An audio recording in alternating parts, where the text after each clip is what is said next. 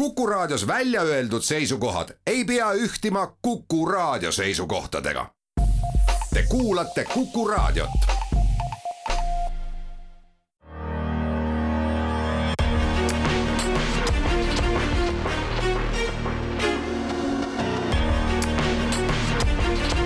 välismääraja. lugupeetud Kuku Raadio kuulajad, mina olen Peeter Raudsik ja eetris on Välismääraja täna võtame saates pulkadeks lahti Iraani, kõigepealt vaatame siseriiklikku olukorda ja juba mitmendat kuud kestvaid proteste, seejärel laiemat geopoliitilist pilti, kuidas peaks Iraaniga tegelema Lääs ajal, mil Teherani erisuhe Moskva ja Pekingiga on läinud märksa kaugemale puht geopoliitilisest flirdist. Vene-Hiina, Iraani ühistelg ei näita lagunemise märke vaid vastupidi, on muutunud järjest tugevamaks. aga alustame algusest ja räägime kõigepealt Iraanis toimuvatest äh, meeleavaldustest. selleks olen siia kutsunud Tallinna Ülikooli kultuuride uuringute doktorandi Sandra Peetsi, tere tulemast! tere! tänaste protestide alguspunktiks on Iraani naised, äh, kes soovivad hidžaabi kandmise kohustuse lõpetamist ehk siis äh, juuste katmine, mis täna on Iraanis seadusega nõutud peaks muutuma vabatahtlikuks. aga küsin alustuseks, kui palju on nendel meeleavaldustel täna üleval siis teisi teemasid, olgu näiteks kõrged hinnad, korruptsioon ja muud asjad, mis siis tegelikult ajalooliselt on olnud need teemad, mis iraanlasi tänavatele toonud? tegelikult naiste õiguste teemast on see juba praeguseks kasvanud millekski palju laiemaks, kus nõutakse siis terve selle režiimi äh, vahetumist või lausa ütleme siis äh, kukutamist. nüüd probleem on selles, et ega Iraani naise jaoks ei ole see pearätt lihtsalt siis see sall, mida nad kannavad, tegelikult sümboliseerib nende jaoks terve selle režiimi olemust ja identiteeti ehk seepärast äh, ühelt poolt jah, nõutakse inimvabadusi, kuid äh, diskussioon on liikunud äh, palju laiemaks, sest nähakse, et tegelikult selle praeguse režiimi all ei ole ka mingit lootust neid inimvabadusi ja õigusi saavutada. Neid meeleavaldusi on olnud ju väga palju, et siin mõned aastad tagasi, aga tegelikult siis kõige suuremalt kaks tuhat üheksa, kui tekkis äh, toonaste presidendivalimiste järel siis roheline liikumine, mis hakkas tegelikult üsna keskselt organiseerima ja koordineerima neid väljaastumisi. täna me sellist keskset koordinatsiooni ei näe, et mille taha see nüüd siis jääb, et puudub üks juht või selline vedav poliitiline organisatsioon nendel protestidel?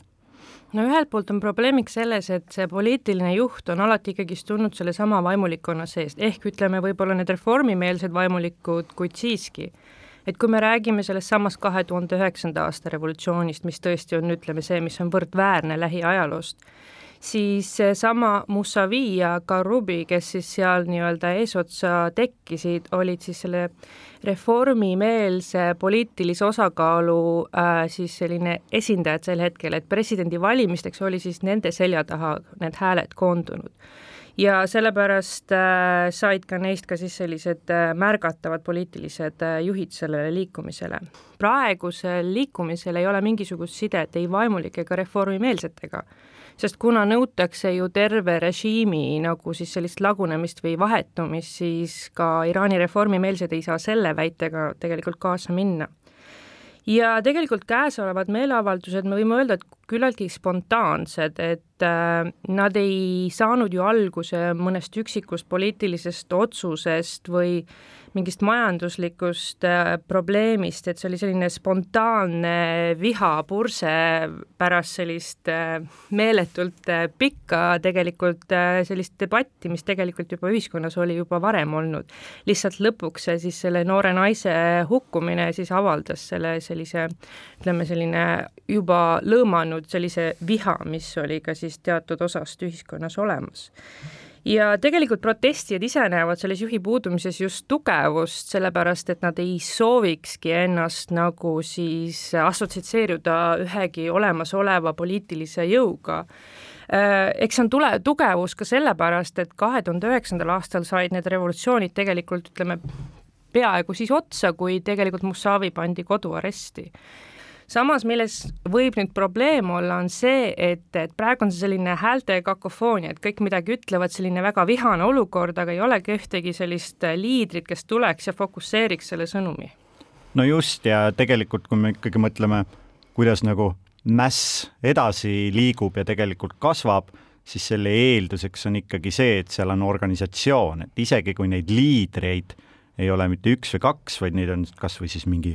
nõukogu või mingisugune inimeste grupp, ähm, siis vähemalt on olemas nemad, kes siis täisajaga seda asja ajavad ja tagavad ka selle, et äh, sealt tekivad konkreetsed nõudmised ja need meeleavaldused võtavad natukene organiseerituma äh, kuju, et see vihapurse ju tegelikult võib lahtuda, et kas see on siis ka täna juhtumas või? Eks iraanlastel on selline komme, et, et iga kord, kui keegi on hukkunud just nendes samades protestides, siis neljakümmend, nelikümmend päeva hiljem siis tullakse uuesti tänavale, et tavaliselt see selline märtrite olemasolu siis iga neljakümne päeva taguse tsükliga tegelikult ikkagist midagi mm. lahvatab paraku jah, et äh, ajalugu näitab, et selleks, et ikkagi sellest mingit poliitilist muutust algastada, selleks on vaja ikkagist äh, organiseeritud äh, vähemalt siis just kas või gruppi eesotsa, kes seda organiseeriks. aga ma tulen nagu selle eelmise mõtte juurde tagasi, et äh, Iraan ei ole ju tegelikult äh, noh, ta ei ole Põhja-Korea äh,, tegu on ühiskonnaga, tegu on tsivilisatsiooniga, Pärsia tsivilisatsioon, kus on väga mitmekesine debatt ühiskonnas olnud erinevate teemade üle juba aastasadu, et mitte öelda tegelikult tuhandet ja iraanlased ise on loomulikult selle üle ka väga uhked, et äh, kui rääkida Iraani diplomaatidega või ka tavaliste inimestega, siis äh, nad alati rõhutavad, et me ei ole siin Saudi Araabia, äh, Ira-, Iraani poliitiline süsteem on pluralistlik ja eriti rohujuure tasandil, kus naaberriikides Araabia või siis Pärsia lahe teisel pool kaldal,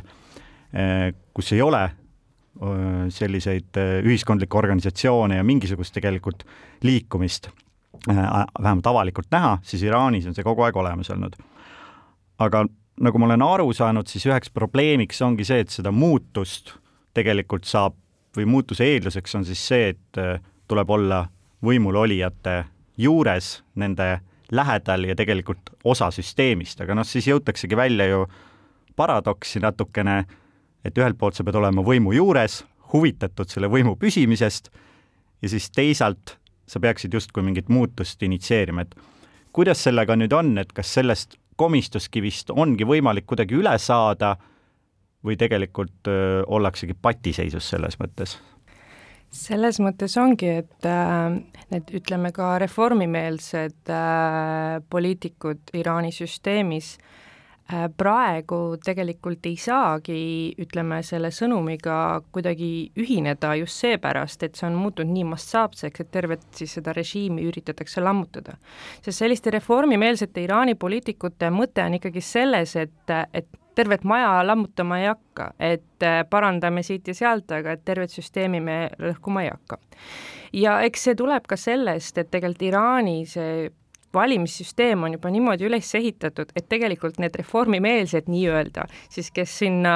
ütleme, parlamenti saavad, otsuste juurde, otsustamisõiguse juurde saavad, on tegelikult ju heaks kiidetud sellesama režiimi poolt, sest mitte kellegi nimi ei jõua valimissedelile, ilma et teda oleks heaks kiidetud. ehk see tekitabki sellise olukorra, et need reformimeelsed ehk võib-olla ütleme praeguse nende, nende meeleavaldajate jaoks need, need muudatused või, või sellised äh,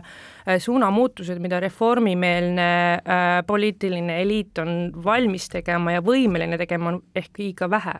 ja, ja, ja mitte piisavalt. ja probleem on ka just selles, et see kogu see naiste õiguste teema või see nii-öelda moraalse rõivastumise teema, mida iganes see siis ka selles Iraani tä-, äh, tõlgenduses tähendab, on selline punane joon, millest tegelikult ei ole kunagi režiim tahtnud üle minna. sest see on siiski selline väline sümbol kogu sellest, mida siis see nii-öelda, see režiim endast kujutab. et see on see selline ka vastandumine siis kõigele sellele, mis oli varem Iraanis, et miks, miks me oleme teistsugused ja vastandumine tegelikult ka läänele. et kui, kui on varem olnud ka neid äh, ütleme siis neid hidžaabi või pearäti äh, kandmise vastaseid aktsioone, naised on tulnud tänavale, siis on alati tembeldatud nad siis niisuguseks ebamoraalseteks läänemeelseteks naisteks. et, äh, et paraku jah, see et meie jaoks tundub võib-olla veider, et no mis see siis on, et, et laske neil siis selle ilma rätita olla, aga Iraani režiimi jaoks on see siiski selline punane joon, millest tegelikult äh, oleneb kogu nende see islami identiteet. aga kuivõrd äh, see lääne teema korraks juba nüüd üles tuli, et äh, kui me saame aru, et nendel protesteerijatel siis seal kohapeal tegelikult seda sellist organiseeritud jõuõlga ei ole kui palju eksiilis olevad Iraani opositsionäärid, keda on erinevates riikides ja keda on ka seal hulgas ju tegelikult äh, kinni püütud või püütud korraldada inimrööve äh, või ka tapetud, kui palju nemad täna kaasa räägivad nende protestide juures ja kas nendel tegelikult üldse mingisugune kaal on? no tundub, et see nendes meeleavaldustes on tegelikult neil olnud päris äh, suur kaal, siis ütleme nii, et äh, nad on hoidnud seda olukorda orbiidil, on tekkinud tegelikult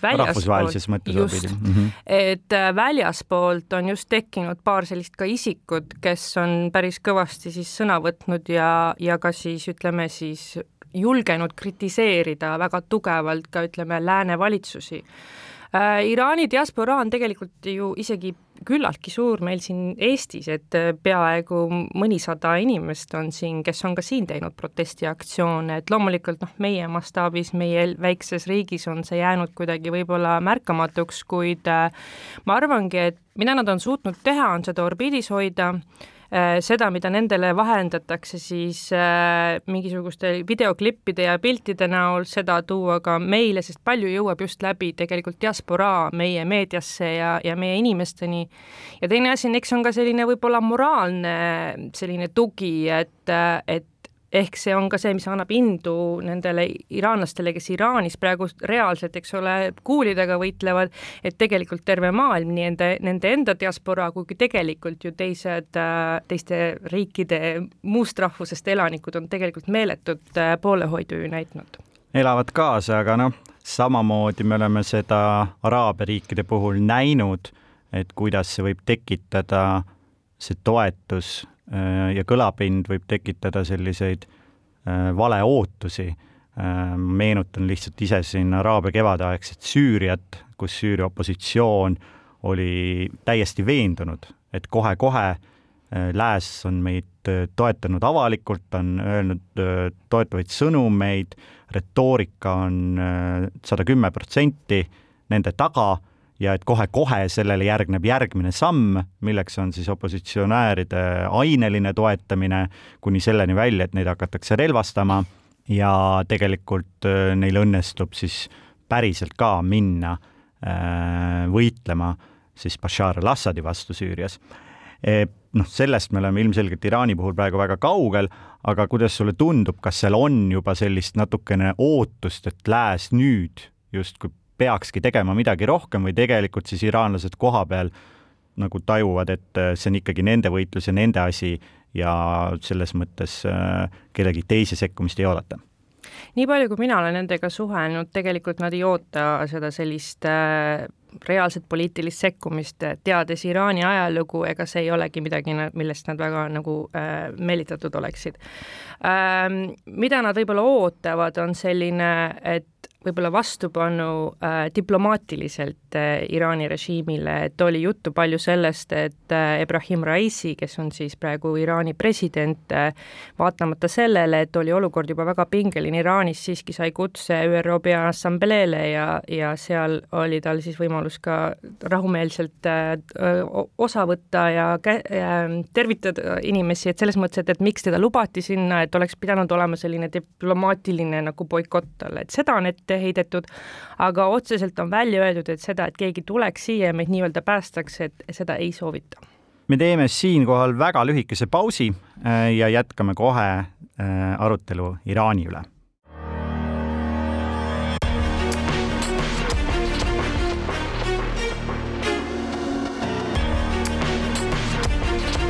välismääraja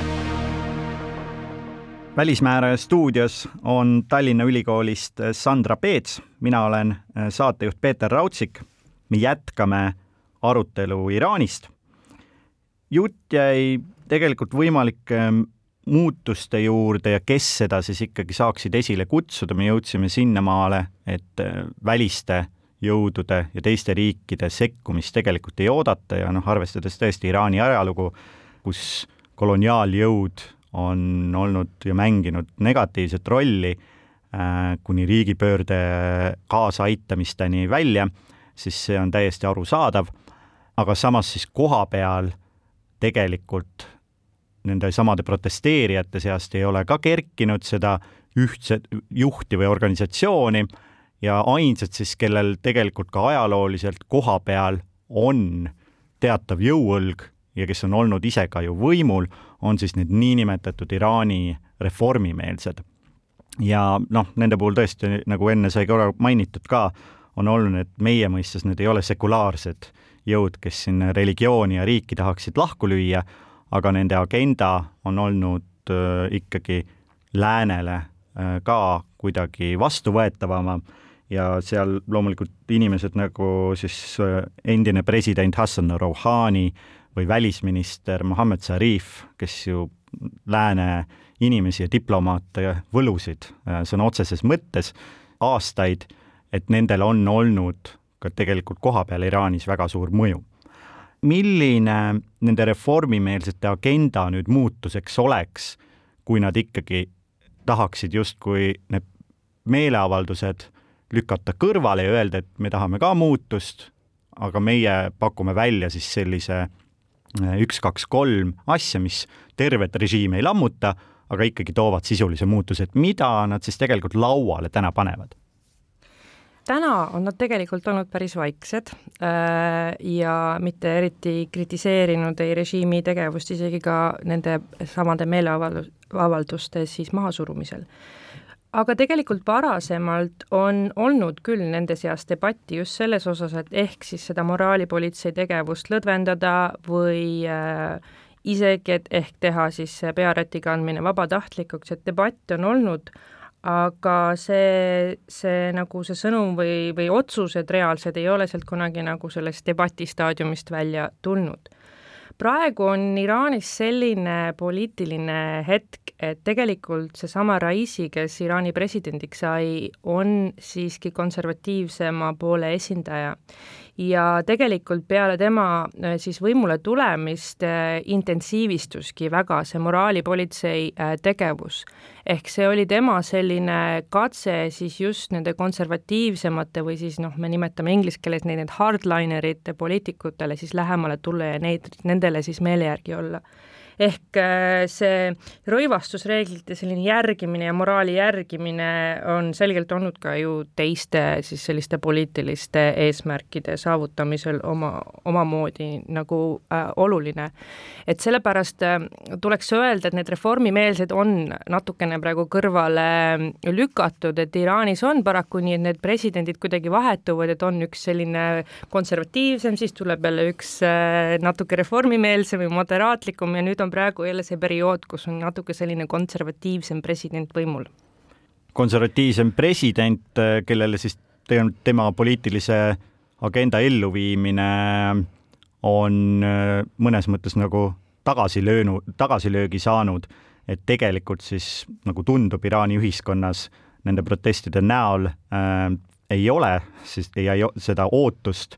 ja soovi äh,, et mindaks tagasi konservatiivsema joone juurde.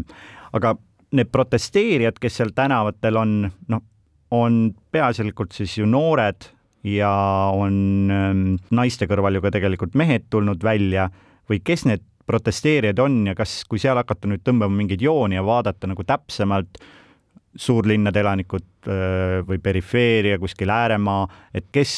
need tegelikult siis on seal, kas seal joonistub midagi välja või on see tegelikult väga kõikehõlmav ja laiapõhjaline? Nende meeleavalduste juures ongi tegelikult märkimisväärseks osutunud just see, et see ühiskonnakihtide selline äh, ühiskonnakiht on nagu hästi palju erinevaid. et kui ütleme, need, mis olid, need protestid, mis olid äh, mõni aasta tagasi, siis oli pigem äh, need inimesed tänaval, keda ütleme, see kütusehindade tõus kõige valusamalt puudutas, kaks tuhat üheksa oli keskklass suurlinnadest, et praegu tegelikult on kaasatud kõik ühiskonnakihid äh,. Tõsi jah, valdav enamus nooremast põlvkonnast, ütleme see uus põlvkond, kes pole näinud üldse, mis oli Iraan enne seitsmekümne üheksandat aastat. nüüd, mis on omakorda märkimisväärne selle kõige juures on see, et on ka väga etniliselt mitmekesine seltskond siis meeleavaldustest osa võtmas, et kuna see ka naisterahvas Mahsa Amini, kes siis hukkus, oli ju kurdi päritolu ja tegelikult kurdi linnast Sakeesist ka see alguse sai, siis on hõlmatud ka väiksemad linnad, kus on hoopis teine etniline taust ja etniline selline nii-öelda siis kooslus. et see on nagu märkimisväärne, on kaasatud ka teised etnilised grupid, et me teame, et Iraan on tegelikult ju etniliselt küllaltki selline mitmekesine, et, et see on, see on, see on midagi, mida täheldada ja ma arvan, et see etnilise mm, mitmekesisuse väljatoomine on hästi oluline just, et me küll mõtleme Iraanist kui Pärsia tsivilisatsiooni keskpunktist, aga Pärsia tsivilisatsioon äh, ja Iraan ise on olnud tõesti ju siin selline rahvaste sulamis, kokkusulamise koht, et äh, meil on ju põhja pool Aserbaidžaan, aserite kogukonnad väga tugevalt Iraanis kohapeal olemas, siis needsamad kurdid, kellel teisel pool piiri on ju väga tihe liiklus ja suhtlus Äh, Iraagi Kurdistaniga, lõuna pool araablased ja rääkimata siis äh, Afgaaniga piirnevatest aladest, kus on ka igasugu erinevaid etnilisi gruppe, hasaarad ja nii edasi. et ähm, et see on väga see on selles suhtes etnilises mõttes kindlasti huvitav, et mõned need etnilised vastuolud siis tegelikult justkui näivad ka olevat üle saa- või nendest on üle saadud ja nüüd siis ollakse ühe asja eest väljas. aga kas see ühine nimetaja ikkagi ei ole siis äh, natukene noh, kõrgharitus või see, et ka need protestiaktsioonid tihtipeale toimuvad ülikoolide juures, äh, kui ma olen ise neid siin vaadanud, et kas see on võib-olla see ühine nimetaja siis noored, haritud inimesed, kes võib-olla ei näe, et sellisel moel Iraanis ei ole võimalik edasi minna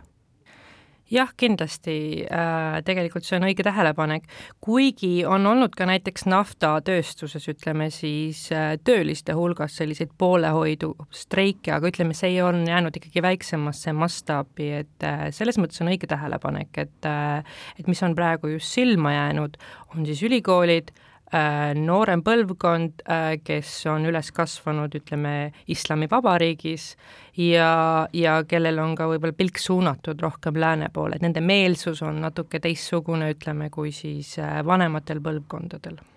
Kui tulla nüüd selle seitsmekümne üheksanda aasta revolutsiooni juurde tagasi, et sellest on loomulikult väga valusad mälestused paljudel iraanlastel ja, ja just selles mõttes, et mitte ainult see revolutsiooni aeg, seitsekümmend üheksa, ähm, vaid ka sellest, mis siis hakkas toimuma pärast. Äh, kõiksugu siis puhastused, äh, mida hakati läbi viima, äh, inimesed, kes lihtsalt ära kadusid, et see on jätnud ju tegelikult päris sügava jälje ühiskonda laiemalt, et kas seda segadust ja seda, et nüüd, kui need meeleavaldused läheksid Äh,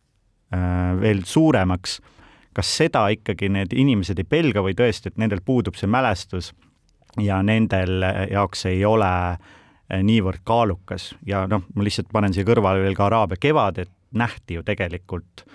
äh, kuhu jõudsid Araabia riigid oma revolutsioonidega välja, et päris mitmed kodusõtta, sealhulgas Süüria,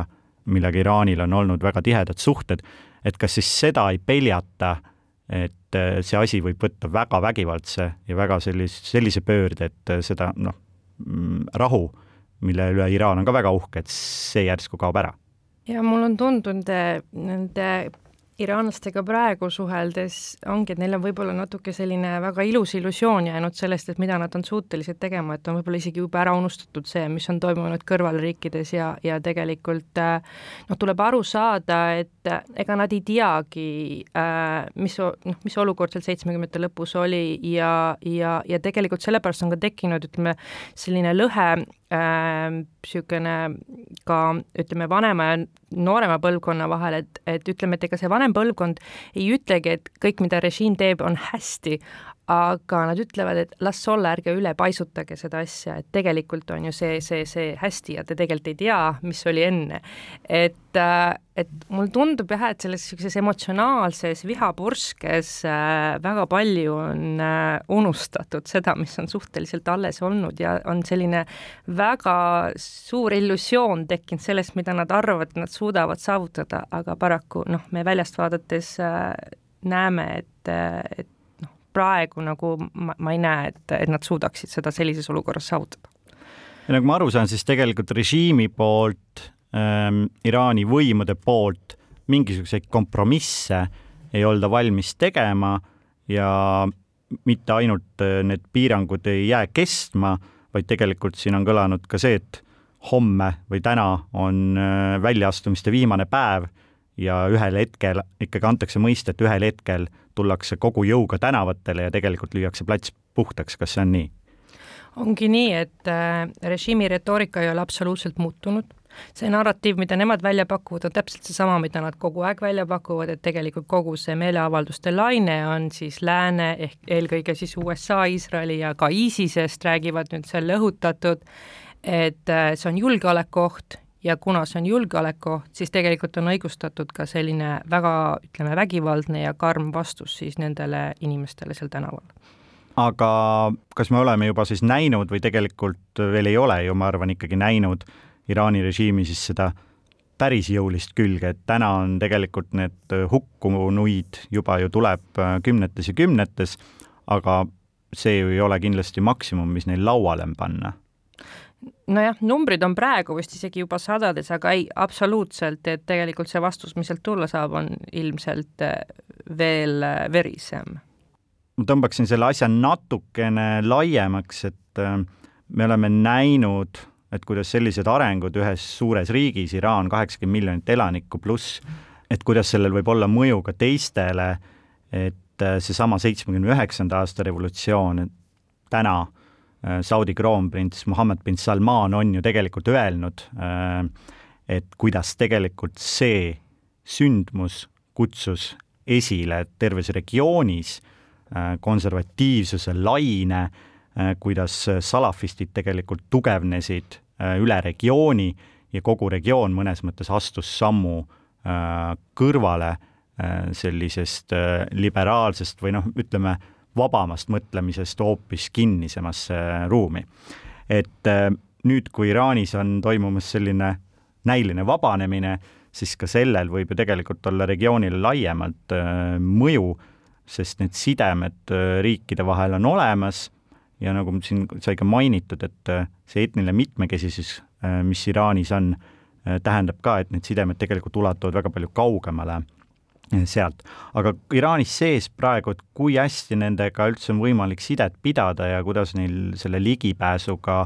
internetile, mis siis tegelikult peaks olema see kanal vabasse maailma justkui, kuidas sellega on? no sellega on praegu päris keeruline, et äh, on siin kohalikud iraanlased rääkinud, et äh, nädalate viisi pole vanematega ühendust saanud, et äh, et neil on äh, see võimalus neid VPN-aadresse kasutades kuidagi ümber saada sellest äh, piirangutest, aga ka see on keeruline ja ütleme, nõuab ka teatavaid selliseid internetiteadmisi, mida ütleme, ei ole võib-olla siis vanemal põlvkonnal, et seepärast on olnud väga äh, keeruline ja, ja see on kuidagi selline kohati kõikunud, et mingitel kellaaegadel või päevadel on korraks nagu ligipääs ja, ja siis jälle see kaob, et äh, et noh, selles mõttes on keeruline, aga eks see on ka režiimi taktika, esiteks selleks, et see tegelik pilt välja ei tuleks, aga see narratiiv jälle sinna juurde on see, et me tegelikult kaitseme riigi julgeolekut, kuna siis, et välismeedia ongi see, kes nüüd õhutab siis neid äh, meeleavaldusi, et, et sellega siis õigustatakse selle interneti kinnipanemist. ma usun, et äh, täna me sellest nii palju ei räägi, et milline on tegelikult Iraani sündmuste mõju äh, regioonile laiemalt aga ar kõike arvesse võttes ja seda vestlust ka siin, siis mulle tundub, et sellel saab mingi mõju olema see lainetus tegelikult alles jõuab äh, Pärsia lahe teisele kaldale äh,, kas see on siis Saudi Araabiasse või Araabia Ühendemiraatidesse või pisikesse Bahreini äh,, kus on väga suur äh, šiiitide kogukond äh,, keda on ju ka maha surutud aastaid ja kellele tegelikult Äh, Iraan on oma poolehoidu näidanud. me teeme nüüd uuesti lühikese pausi, äh, mille järel siis räägimegi nendest geopoliitilistest momentidest, mis on Iraaniga äh, otseselt seotud ja ka tegelikult mõjutavad meid siin Eestis.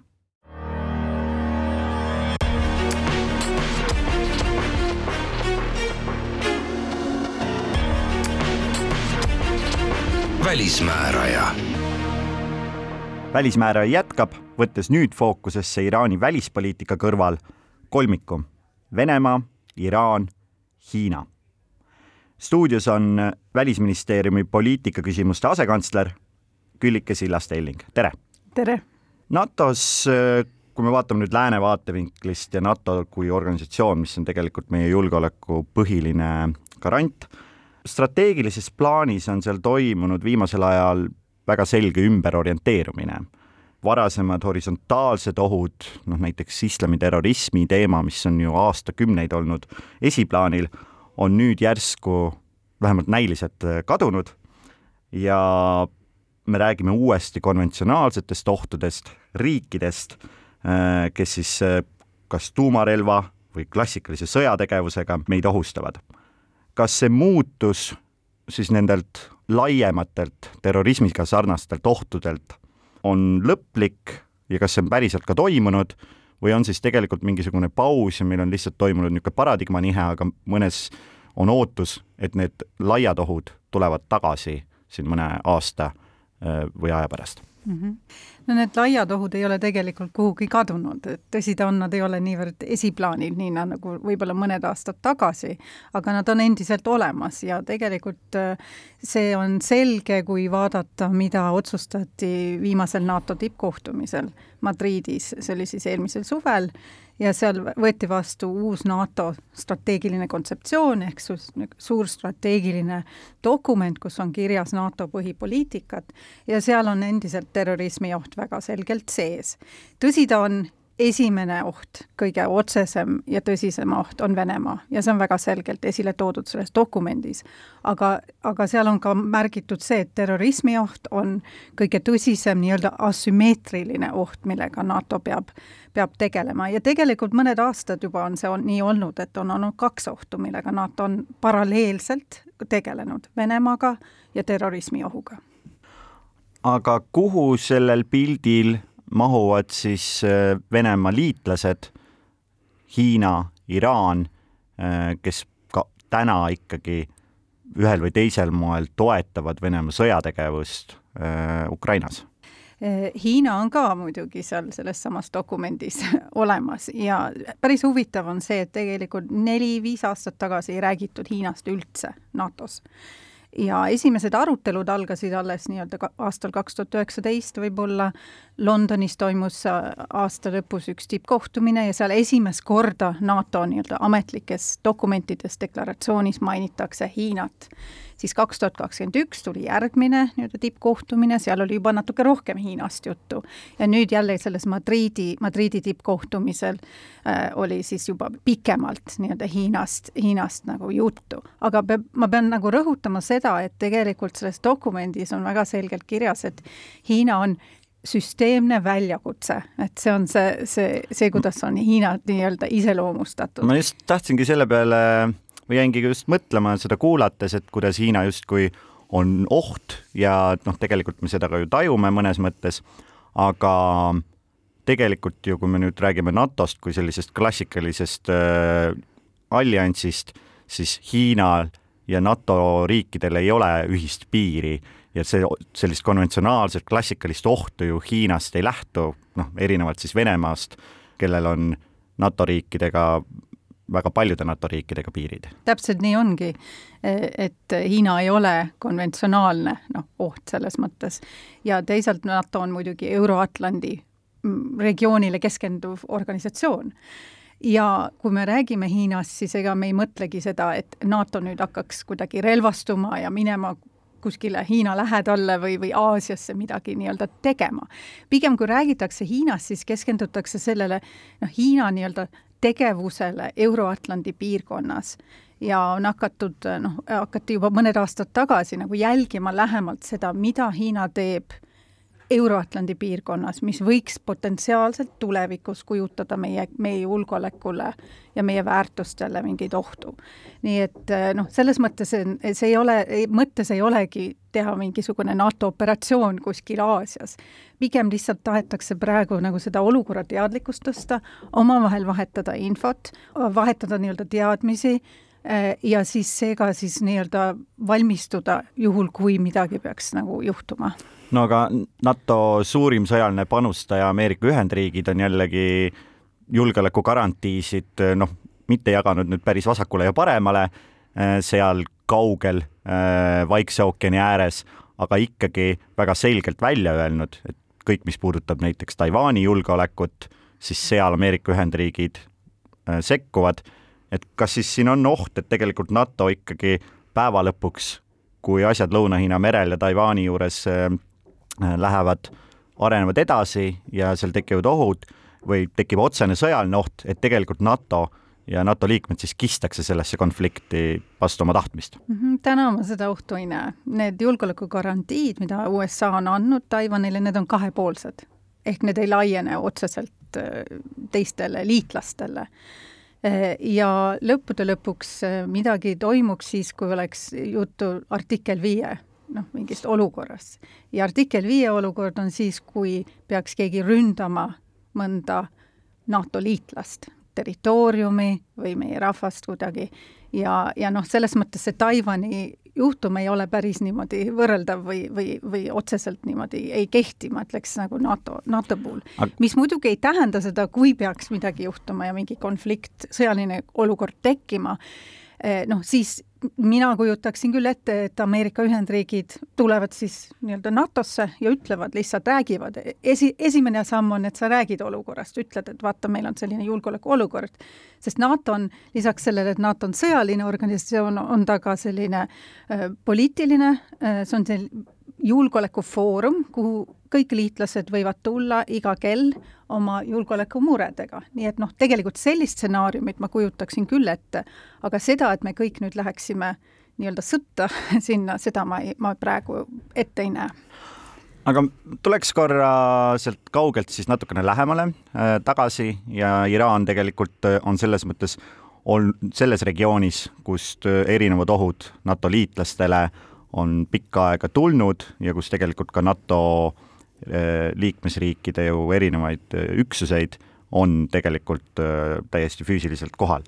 kas NATO sees ja lääneliitlaste vahel tegelikult laiemalt täna see vaade Iraanile on kuidagi nüüd muutunud ja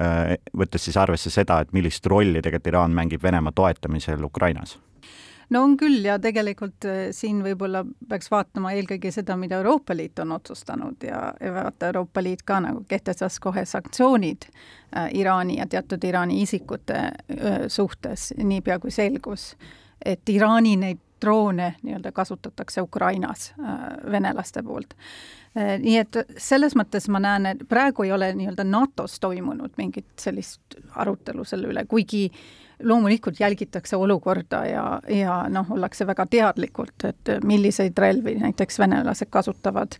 äh,, kasutavad Ukrainas äh,. aga noh, see Iraani küsimus minu, minu vaates on rohkem isegi nagu Euroopa Liidu laual olnud lihtsalt tänu sellele, et enne on olnud Euroopa Liit väga tegev sellesse nii-öelda tuuma, tuumateemadel ja tuumaprogrammi nii-öelda kontrollimisel, aga noh, need lepped kõik, ma arvan,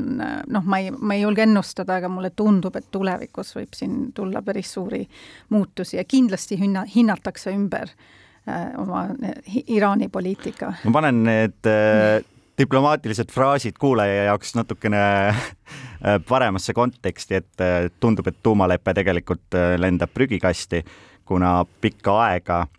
oli just Euroopa Liit ju see, kes proovis leida seda kuldset keskteed, tuua äh, Ühendriigid ühelt poolt ja teiselt poolt siis Iraani kokku keskele, aga täna siis see vaherahu läbirääkija Euroopa Liidu näol on kaotanud usu, äh, mulle tundub vähemalt, Iraani ja Iraani kavatsustesse ja selles mõttes, kui seda platvormi ei ole seal, siis äh, noh, tõenäoliselt seda tuumaleppest ju asja ei saa. Mm. aga kui me räägime mm, tuumaheidutusest äh, laiemalt, et kas siis see on täna NATO-s rohkem laual, kui ta oli varem, sest et ka Ukraina kontekstis ju sellest tuumaohust tegelikult räägitakse, kuskil kukla taga on see kõigil ju olemas nojah, tuumaheidutus on alati olnud väga tähtsal kohal NATO-s.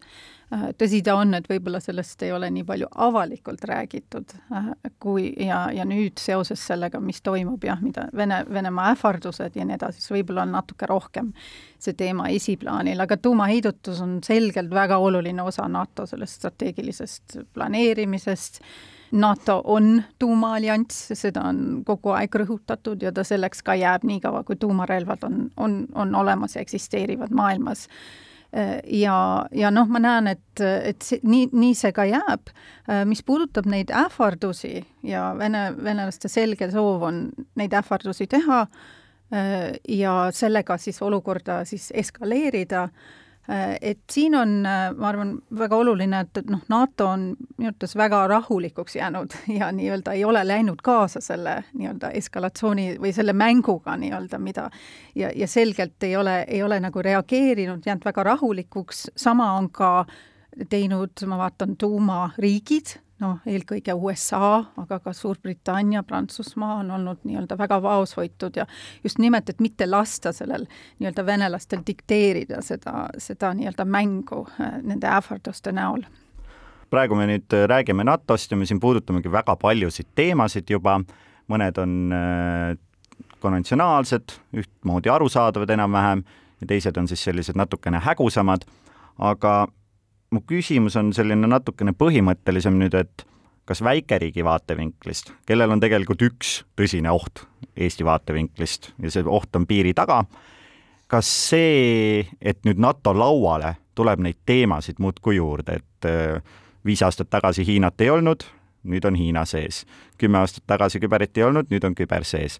Äh, Iraan võib-olla tuleb ka nüüd äh, järgmine kord lauale, et, et kas see on tegelikult hea, et see NATO äh, menüü läheb aina pikemaks, et kas see ei too kaasa seda, et fookus kaob ära ja tegelikult meie jaoks siis, väikeriigi jaoks, kellel on üks konkreetne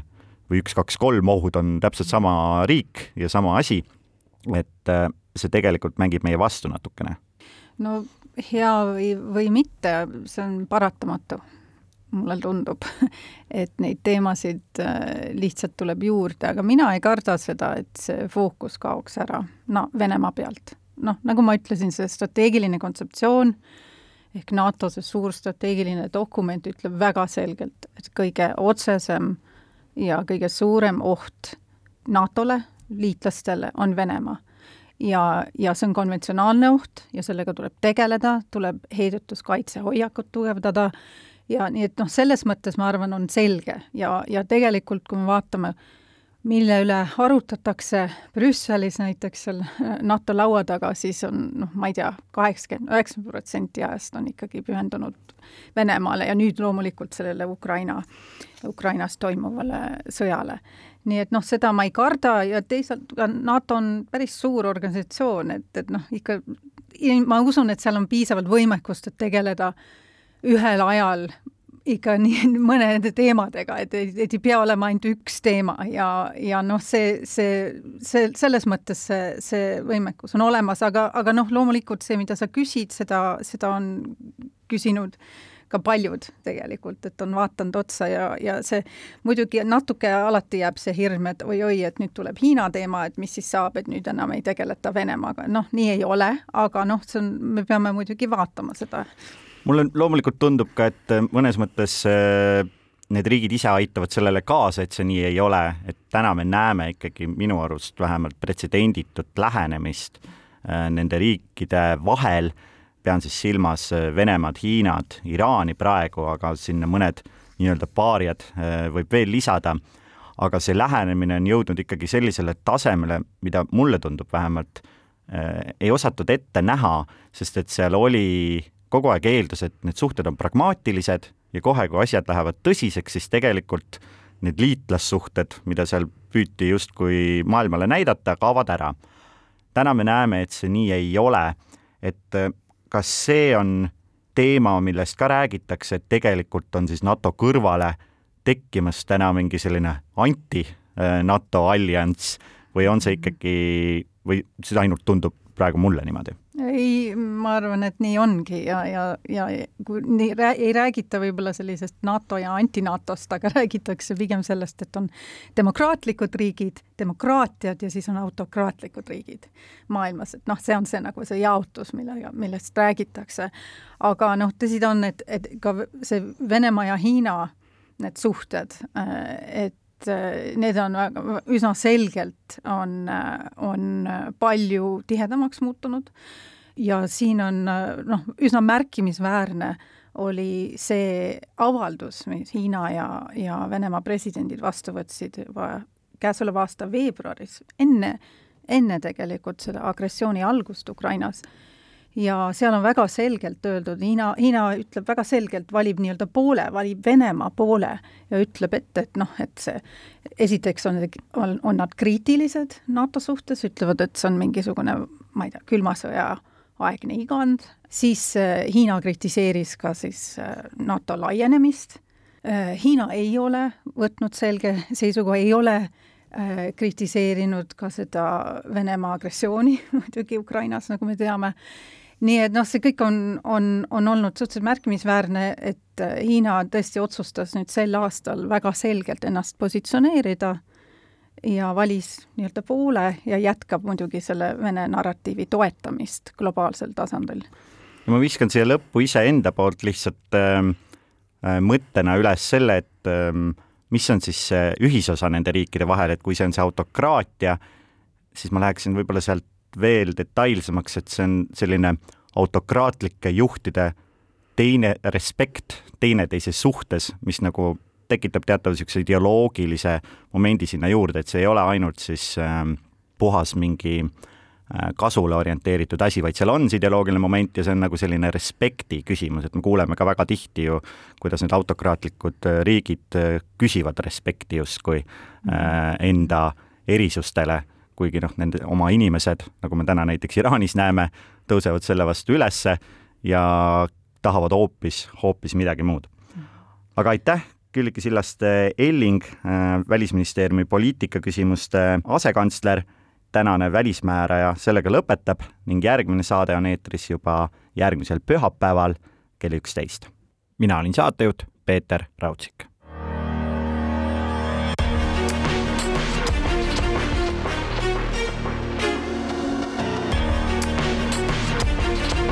Välismääraja